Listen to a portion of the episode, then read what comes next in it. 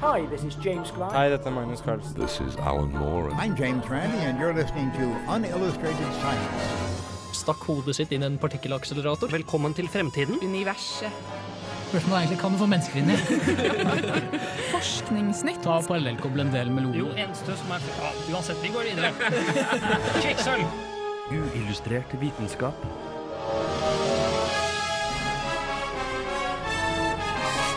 science, it works, bitches. Denne gang på Uillustrert vitenskap. Har du lekt med tanken om en heis til verdensrommet eller til månen og lurer på hvordan det lar seg gjennomføre? Vi snakker om det, forteller om spionfly, korallrev og forskningsnytt. I tillegg vil du for første gang høre den nye spalten som tar opp common misconceptions. Hei, jeg er Knut Jørgen Røde Ødegård. Du hører på Uillustrert, som er eh, like kraftig som en supernova, eller kanskje en hypernova. Like vakkert som en stjernehop, og like spennende som en Venuspassasje. Uillustrert vitenskap. Hallo og hjertelig velkommen til en helt ny sending av Uillustrert vitenskap. Mitt navn er Andreas Haugland, og i dag har jeg med meg Martin Eilertsen i studio. Hallo, hallo. Andreas Sund. Hei, jeg er litt forkjøla. Hei, hei. Jeg så har vi med oss to helt nye folk. Det er Andreas Riple. Hei. Og Håkon Aune. God dag. God dag, god dag. Og eh, Håkon, hva gjør du på? Jeg studerer medievitenskap andre året. Ja, Ja. akkurat, ja.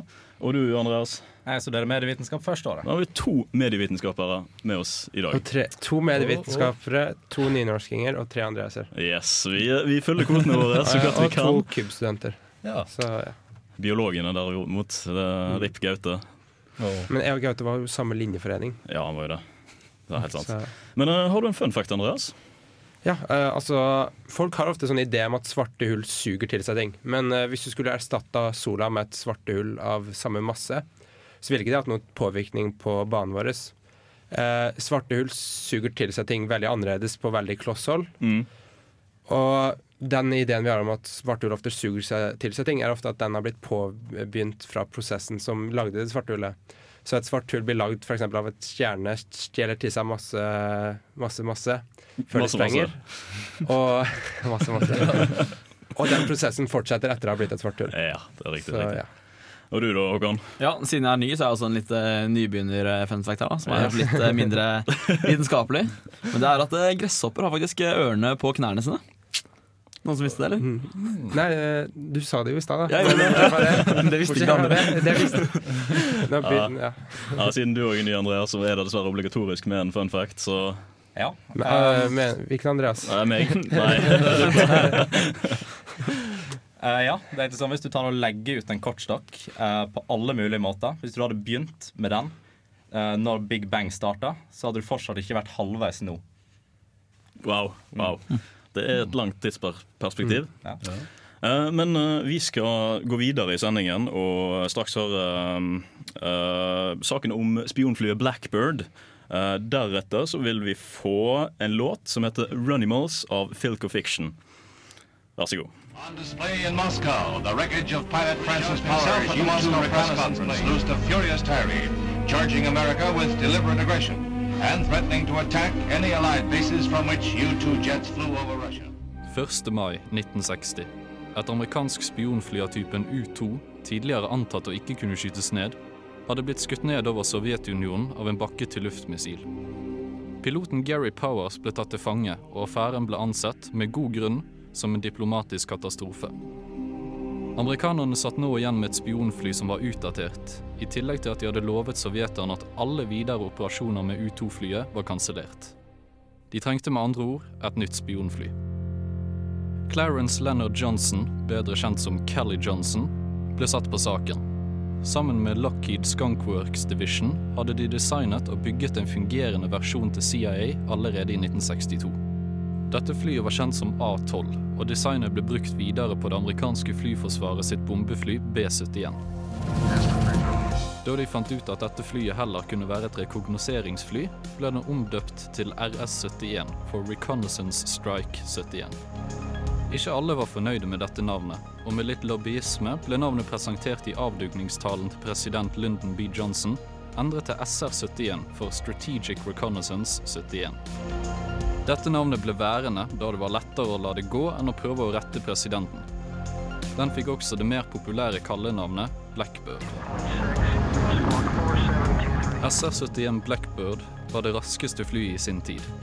Den fløy oppdragene sine vanligvis i en hastighet på Mach 3,2, som på folkemunne tilsvarer ca. 3950 km i timen.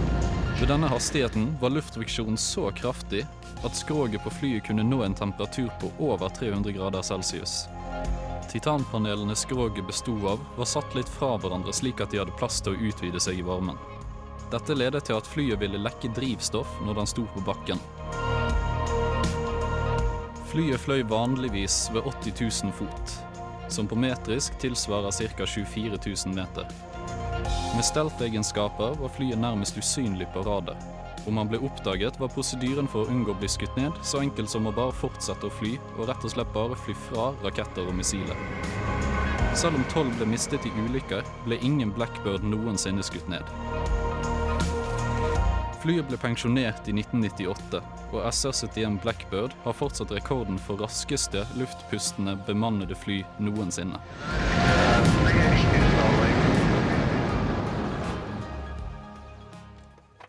Ja, og det var saken om Blackbird-flyet. Velkommen tilbake til oss her i studio. Og ja, Martin. Ja.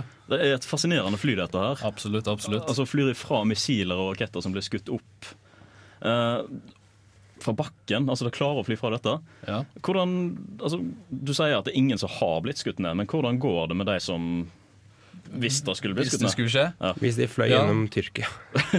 Um, Eller Ukraina. Det som skjer da, det er at piloten skyter seg ut. Mm. da er jo òg piloten i eh, over 3000 km i timen. Ja. Og med samme luftfriksjon, så han må jo ha på seg en drakt som tåler 300 grader. Det er jo nettopp det. I tillegg så er jo eh, det er en trykkdrakt, en veldig spesiell trykkdrakt, som eh, var så holdt et trykk som skulle holde ved 24 000 meter. Og eh, den skulle ha oksygentilførsel som ga nok oksygen over 13 000 meter. Eh, den eh, skulle da holde seg hele veien ned, eh, så han hadde jo en fallskjerm. Da måtte han ha litt spesiell fallskjerm, kan du tenke meg. Ja, Som ikke tar fyr, for å si det sånn. Ja. Kan jo være greit. det, det er mye som skal skje. Det, det var nok dyrt. Jeg kan se for meg det. Jeg kan se for meg det. Ja. Jeg er ikke sikker om det er sånn for uh, mennesker som har prøvd, det, men i hvert fall for sånne romskip som kommer tilbake i banen. Mm. Så er, ikke, mesteparten av varmeutviklinga pga. Sånn, uh, at luft blir eh, komprimert, ikke fra selve friksjonen. Oh. Men jeg vet ikke om det er det samme her, da. Ja, Mulig. Altså, det kan, det var, nå skal jeg ikke si dette, for jeg er ikke en ekspert på det, men det kan hende at det har med strukturen på kapslene som kommer ned. da. Ja. At Siden de er mye større flatere overflater, Ja, så er det mye større hastigheter. Ja, Altså. Mye større masse. Såkalt adiabatisk eh, Såkalt. ja. riktig, riktig. eh, men liksom, det, det blir fort dyrt å bygge fly. Ja, Åssen ja. er kostnadene på eh, ja, Ja, nei, Det er uhøflig å spørre det amerikanske flyforsvaret om hvor mye. Nei. Eh, jeg fant faktisk ingen veldig klare kilder. Eh, jeg googlet det, og så kommer det opp litt sånn 30 millioner dollar per stykk, 40 millioner dollar per stykk. Ja, Lommepenger Og, ja, og dette her var i 1968, så det Ja, okay, tilsvarer jo over 200 millioner per stykk i dag. Ja. I tillegg til at uh, det kostet 85 000 dollar per time å holde den i drift. Uh, det blir ca. 300 De regnet ut ca. 300 millioner dollar ble brukt i året. Dette var jo da et stort argument for de som ville motstandere av flyet, de som ville pensjonere flyet. Det var jo etter hvert slutt på den kalde krigen. Ja. Uh, og kan tenke at Det var jo 32 stykker som var produsert av de flyene, så Det blir fort noen millioner dollar. det blir noen millioner dollar. Nå mistet de tolv i ulykker. Ja, Billigere drift. Ja, kanskje. Uh, hvis de ikke bare ble erstattet med en gang, da, det vet jeg ikke. Uh, Ja, om det var, Nei, jeg, ja. USA liker liksom å bruke penger på alt som ikke er kult. Så de, ikke, ikke, penger for jagerfly og ikke penger for NASA lenger. Det er teit, Jeg vil altså. si Blackbird er ganske kult. Hvis Ja, men jeg skulle valgt ett fly Ja, å fly, det det så kult. hadde det vært en Blackbird. Men de vil jo, vil jo ikke vil jo slutte å bruke penger på det. Ja. Nei, det, ja, Nei, De må begynne å bruke penger på ting som som er kult. eh, Mm. Sånn som NASA. Altså, Det er sant. trenger ikke være kald krig for å fly spionfly. Jeg bare synes det skulle Nei. vært sånn fritidssyssel. Ja. Eh, men eh, gutta, ta på dere bademaska for nå skal vi ned i sjøen og høre om korallrev. Men først sangen uh, 'Funimals' av Filco Fiction.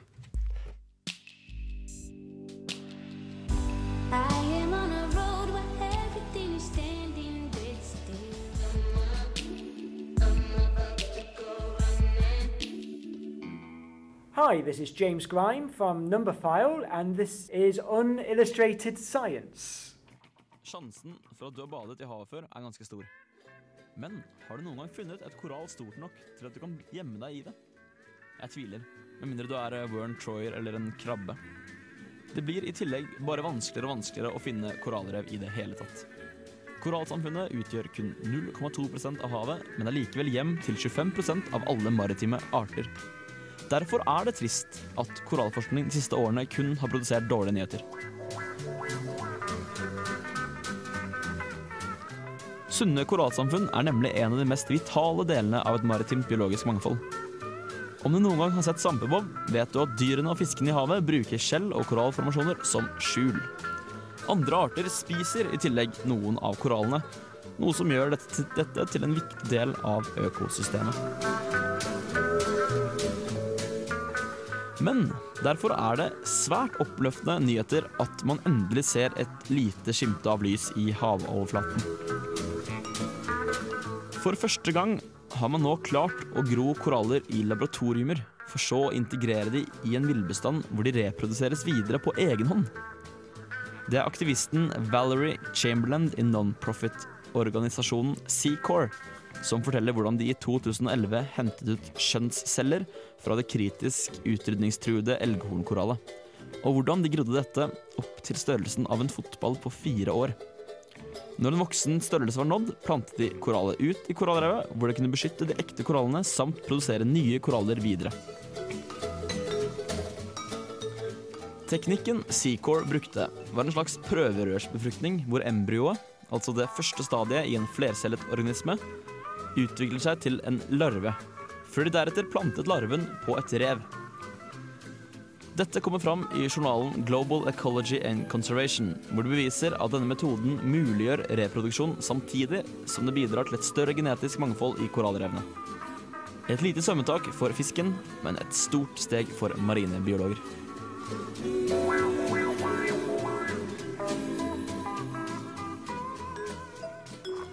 Det var saken din, Håkon, om eh, korallrev. Jeg håper alle sammen har tatt av seg badebuksene igjen, for nå er vi på land.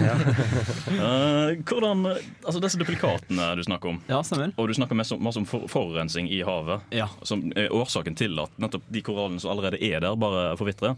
Mhm. Hva, hva er det som gjør at ikke duplikatene kommer til å bli ødelagt på netten samme måten? Ja, Det er et godt spørsmål, Ras. Eh, Du skjønner, eh, Nå som vi allerede lager korallene i laboratorium, Ja. så ser de på muligheten for å genmodifisere da, disse korallene. Akkurat. For at de kan være mer resistanse mot akkurat eh, den eh, giftigheten i vannet. Så det er litt sånn der avling av eh, superkoraller, da, vil jeg kalle det. det, ja.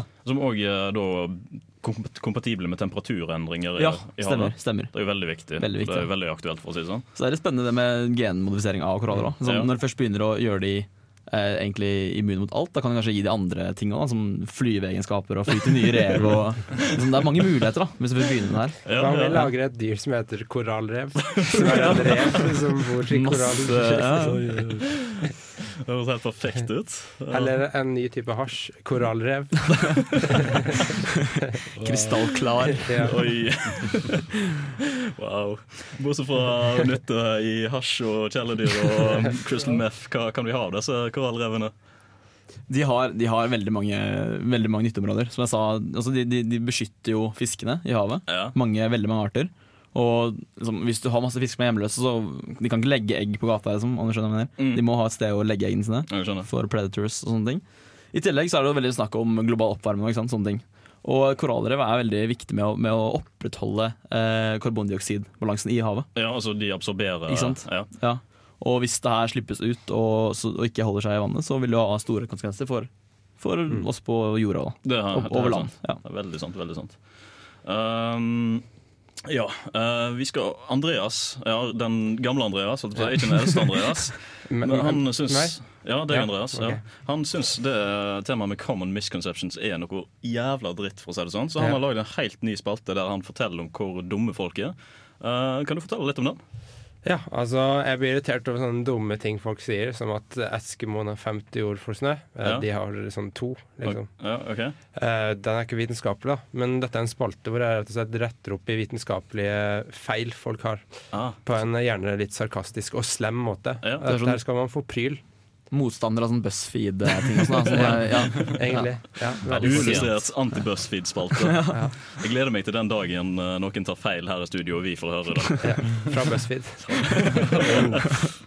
Nei, men uh, nå skal vi høre den første spalten. Og hva skal du snakke om da? Ja, uh, Det er visst noen idioter som sier at man kan se en kinesisk mur fra månen. Ja, Ja, ja. vær så god. Visste du at man kan se den kinesiske mur fra verdensrommet? Eh, faktisk så Tulling. Eskimoene har 50 ord for snø. Nei, egentlig ikke. Nei. Strutser stikker hodet i bakken og er redde.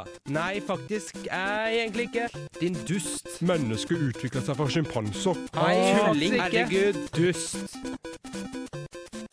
Faktisk. Det blir ofte sagt at man kan se den kinesiske mur fra månen. Dette er feil. Sinnssykt feil, faktisk. Av alle personer som noen gang har vært i verdensrommet, har ingen klart å se den kinesiske mur. Og flere av dem har prøvd. Kommandant på romstasjonen Chris Hadfield har blitt sitert i å si at han prøvde å se muren, men at det var vanskelig fordi den var tynn og grå. Skal man kunne se den kinesiske mur fra romstasjonen, må man faktisk ha syn åtte ganger bedre enn vanlig. Og dette er fra romstasjonen, som er 410 km over jorda på sin nærmeste. Når utsagnet originalt sier at man kan se den kinesiske mur fra månen, så blir utsagnet enda mer absurd. Fordi månen er nemlig 380 000 km unna jorda. Så for å kunne se den kinesiske mur fra månen, trenger du syn 17 000 ganger bedre enn det som er vanlig. Dette utsagnet originerer mest sannsynlig fra astronomen William Stuckley, som sa dette i et brev i 1754. Dette har sin relasjon med en teori som fantes blant astronomer på 1800-tallet, om at man kunne se lange streker fra verdensrommet. Dette kommer fra at astronauten Percival Lowell, eh, faktisk eh, astronom, postulerte at han kunne se eh, kanaler på Mars. Og han lagde ut fra dette teorier om store sivilisasjoner som tidligere eksisterte på Mars, og som brukte disse kanalene til å frakte vann. Men det Percival Lowell ikke visste, var at disse kanalene var faktisk refleksjonen av blodårene i øyet hans ned på teleskopet. Nå skal det også sies at Percival Lowell var en flink astronom, bortsett fra denne lille feilen. Og observatoriet han bygde, leda senere til oppdagelsen av planeten Pluto. Eller eh, dvergplaneten Pluto, fordi Pluto er ikke en planet. What kind of behavior for a planet? Planets don't have tails. We have words for objects with tails. They're called comets. Pluto is my favorite comet.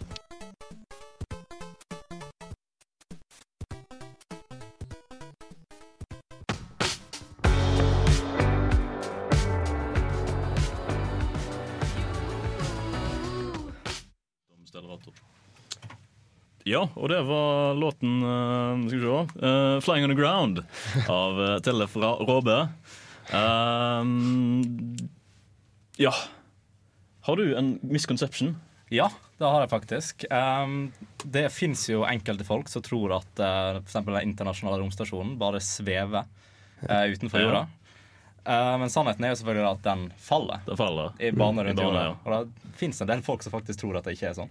Ja, det, hvis du har eh, akkurat riktig hastighet, så vil jo den falle rundt. Og så pga. gravitasjonsfeltet til jorda, Ja. så vil den holde seg i perfekt bane rundt der. Det er helt sant. det er helt sant. Bruker noe for å holde seg i bane, eller er det bare det Hastighet. Ja. Den faller, rett og slett. Ja, okay, ja. Altså, den eh, vil, hastigheten vil jo bli avbrutt, bortsett fra under uh, veldig kraftige solstormer. Da vil banen bli litt grann perturbert, siden da vil eh, atmosfæren til jorda bli blåst opp. Ok.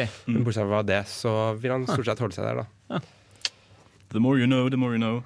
Eh, Men vi skal videre Det er jo veldig fint tema å snakke om eh, romstasjonen. Og vi skal videre til Space Elevators. Og det er jo et tema som er utrolig kult. og ikke minst en kan fortelle masse om og snakke masse om. For det er så masse teoretisk kult med det. Mm. Eh, ja, Du kan egentlig bare begynne å snakke. Det er Ja. Andreas sin første sak. Yes. Um, altså Det som er med Space Elevator, da, det er at det er et konsept som faktisk har eksistert tilbake så langt som 1800-tallet. Der folk trodde at de kunne bygge så store bygninger at de rett og slett kunne nå ut til verdensrommet. Ja. Så det er veldig stilig.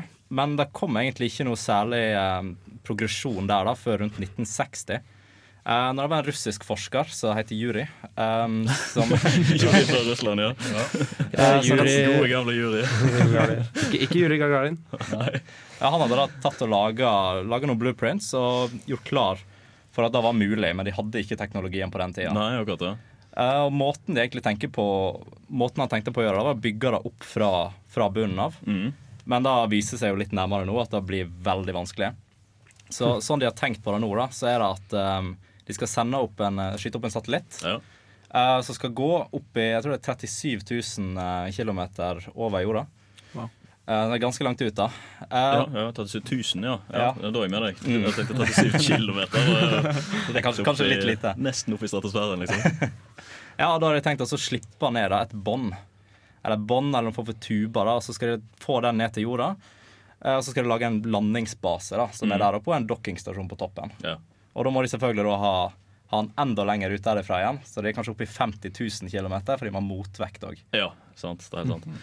Det er jo utrolig fascinerende. Men altså Materialet den er laga, man må jo være ganske lett. Hva tenker du, hva, hva skal en lage dette av? Ja, altså Det er mye som har blitt til å Ja, De har snakka veldig mye om, om hva som kan bli laga av det. Og da har egentlig glassfiber og kevlar eh, Det har vært, eh, vært populært å tenke. Men nå for ti år siden så oppdaga de eh, Eller klarte de da å få frem et nytt, eh, et nytt mineral, eller en nytt, eh, ny måte å lage det på. Og det er altså, altså karbon. Um, karbon binder seg sammen uh, når det blir pressa ned. Uh, og når du setter på silikon i tillegg og, og fryser det ned, da, så blir det veldig hardt og det blir veldig lett. Og det er utrolig lett å strekke og bøye på. Veldig fleks, altså fleksibelt. Da, altså, ja, så Ja, du stemmer. Rett og slett bruker det til veldig masse. Mm. Eh, reisetid. altså det, kommer jo til, det er jo langt å komme seg til plasser uansett hvordan en reiser. Ja. Sånn. Hvordan er det med elevatoren sammenlignet med Uh, sånn som de har planlagt det, Hvis de får den opp skikkelig, så vil det ta rundt syv dager reisetid. sju dager reisetid? Og det er Ja. til, opp til stasjonen, eller opp til månen, eller? Nei, det er ikke til månen. Uh, det, Det er jo opp til stasjonen. Ja, altså opp til den dokkingstasjonen de har planlagt på toppen. da. Eh, for de, de må jo ha en måte å få han til å fly, da, eller få han til å lette fra bakken. Og da er det liksom, da har de tenkt på altså, sånn, altså, Truster, da, for eksempel, som blir brukt på raketter. Mm. Da vil det bli veldig lite kostnadseffektivt. Uh, og så har De liksom, de har jo tenkt dette langt inn i fremtiden og tenkt over laser da, for å hjelpe han til å Laser, ja, ok, kult. Så det er litt stilig. Det høres veldig science fiction ut. da Er det noe vi kan oppleve i vår eh, levetid, eller? Um, det er faktisk uh, starta en kickstarter fra, um, uh, fra Obayashi Corporation i Japan. Um, de for klarte faktisk å få, en, um, å få inn 100 000 for Ja. å um, ja, for å starte dette her. da 100 000 kroner. Dollar. Dollar, Dollar, ja. selvfølgelig. Det kommer jo ingen vei med Det er nok lite til en heis i et leilighetsbygg, da.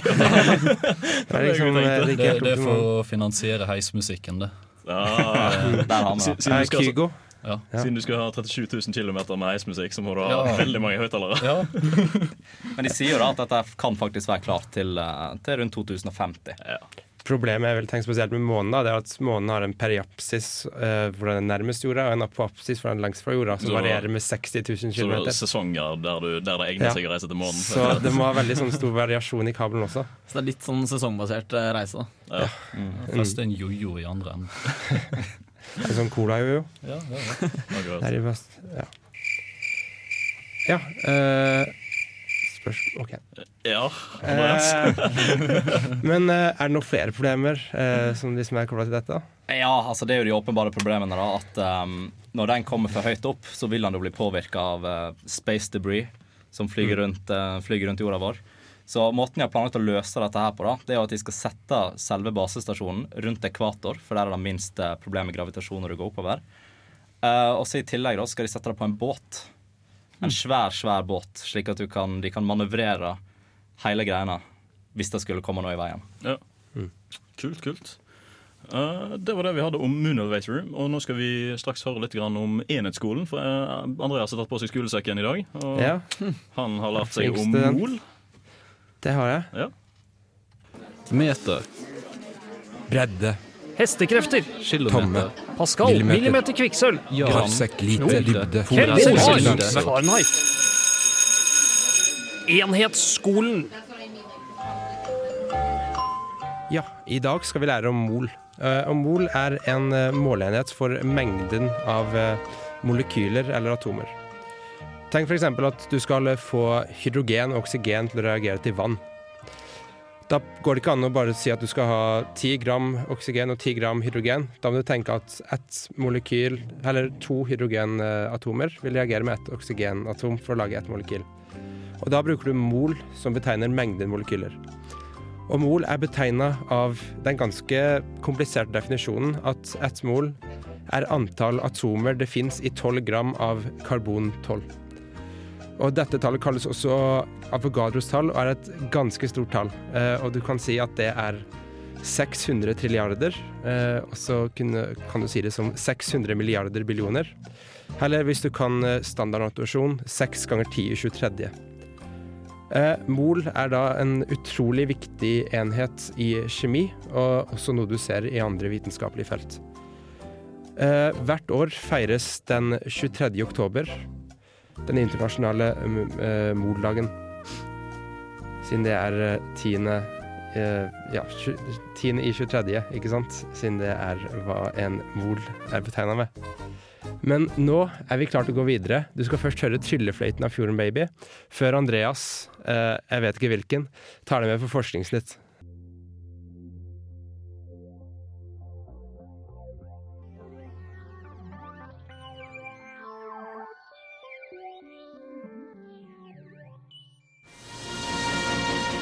Uillustrert vitenskap presenterer Forskningsnytt.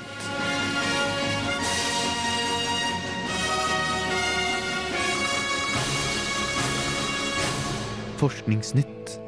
Forskerteamet ved Wendelstein 7X-stelleratoren i Tyskland produserte hydrogenplasma for første gang. Ved å injisere hydrogengass inn i reaktoren skapte forskerne en kontrollert hydrogenplasmastrøm gjennom et eksperiment med formål om å realisere kjernefysisk fusjon som en pålitelig, ren energikilde. Med en temperatur på 8 millioner grader og en levetid på ca. et kvart sekund lever resultatene fullstendig opp til forventningene til forskerteamet. NASA publiserte for få dager siden en interaktiv 360 graders video fra planeten Mars.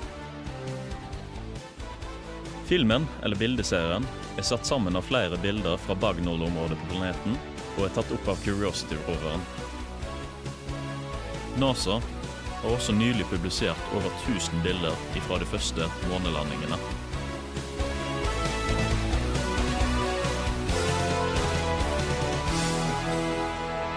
Innen medisin har forskere ved Universitetet i California for første gang i verdenshistorien levert medisin direkte til magen av en levende organisme ved hjelp av nanobotter. Mikromotorer fører nanobottene rundt ved hjelp av gassbobler fra reaksjonen som skjer i magen, og påfører ingen skade på organismen.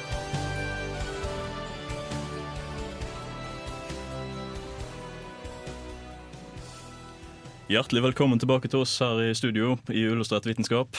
Eh, Det var saken vi hadde om Forskningsnytt. Og denne gang- Forskningsnytt. Forskningsnytt. Ja. Og denne gangen så var det tre temaer som eh, var veldig interessante. Mm. Deriblant uh, eh, i Tyskland, den som heter så masse som Wendelstein 7X. Ja. Riktig, riktig. Og de har jo produsert en hydrogenplasma for første gang. Og det er utrolig fascinerende, for dette er en reaktor som bruker fusjon i stedet for fisjon for å Mm. produsere varme og energi. Og det er jo et konsept som en egentlig tenker seg at er klin umulig å eh, kontrollere på jorda. Mm. Eh, men med denne acceleratoren her så har de klart å lage en hydrogensplasma, hydrogensplasma ja, Ja. som holder 80 millioner grader. Mm. Um, Tokamak-en, som er en type altså det er en torusforma magnetfeltdrevet fusjonsreaktor, det òg, den, uh, den har klart å produsere jeg husker ikke om det var heliumplasma eller hydrogenplasma opp til uh, 300 millioner grader. Mm. Og det er fascinerende, for altså, Stellaratoren har jo et, er drevet av uh, magnetfelt på en helt annen måte. Uh, Tokamakken er drevet av strøm, hovedsak. Uh, både strømmen, siden, siden den plasma, så leder den strøm, så den kan brukes til å både holde det i et magnetfelt, og ikke minst varme opp plasmaen. Mens i stellaratoren så bruker de, ener- bruker de energi for å varme det, og så bruker de magnetfeltet bare for å holde det flytende, svevende, uten at det tar borti magnetene i det hele tatt.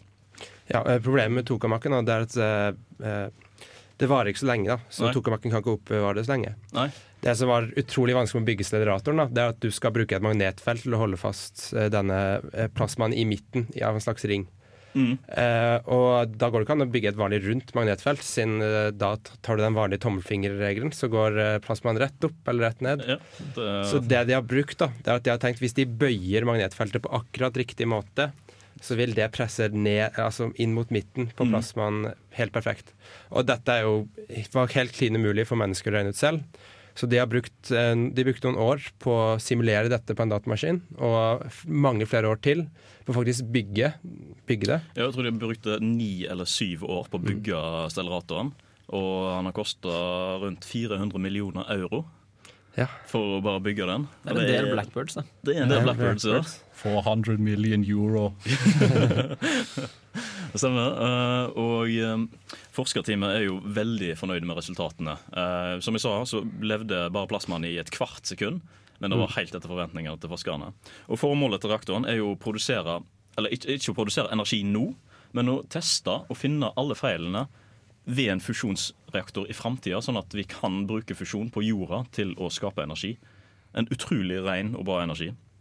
Eh, videre så snakker vi jo litt om NASA. De hadde nettopp lansert en 360-graders video fra roveren Curiosity. Det var interessant å se på. Ja, det er ganske, mye, det er ganske kult at uh, Curiosity kan for eksempel ta selfier. Ja. Ved at han bare sender kameraet sitt rundt og ja, tar bilder inn mot midten. Det var det dette her var. I Mm. hovedsak De sa det var en video, men det var bare et panoramabilde som var satt sammen av rundt 60 bilder. Ja, men det, det som er så flott med Curiosity, da, det er at det er jo fantastiske bilder du får fram. Ja, det er jo kjempegod oppløsning. Ja. Det er ikke akkurat 240 PP, liksom. Det er full HD. Nei. Og det er ikke akkurat en Volvo 240. Mm, riktig. Nei, det er en Rover.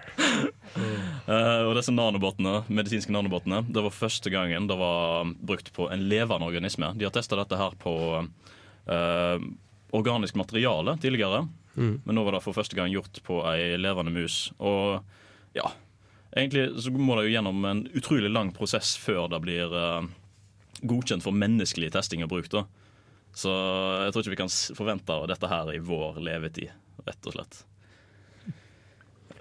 Kanskje ikke dere, men Ja, du skal leve lenger, da? Du er en ny ja. superhuman som lever til to- Jeg har 200 år. tenkt å leve for alltid. Hørte du at det personen en person som lever til 150 år allerede født? Er det deg, Andreas? Nummer Jeg vet ikke. to? Vi får se. Jeg tror det. ja, med- Hvem Andreas? Vi er Andreas. Ja, Andreas. Andreas. Det er ganske mange av oss nå. Altså. Ja, herlig, herlig. Nei, Vi skal høre neste låt. Det er The Circle av Ian og Ave.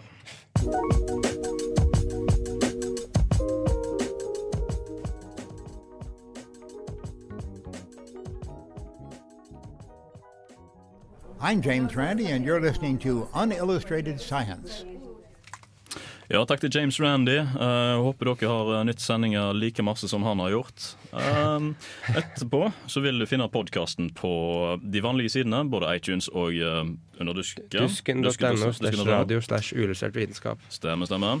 Uh, og du kan ha muligheten til å da òg høre hele sendinga på samme stedet. I tillegg så bør du jo aller helst sjekke oss ut på Facebook, fordi vi poster masse der. Vi vil gjerne ha likes. Ja, det er, du trenger egentlig ikke å lese. Bare Nei, nei. gi oss likes. På likes, alt. likes for ja. Profilbilde, forsidebilde, sida og alle statusene. All, spesielt det som Andreas har lagt ut. Ja.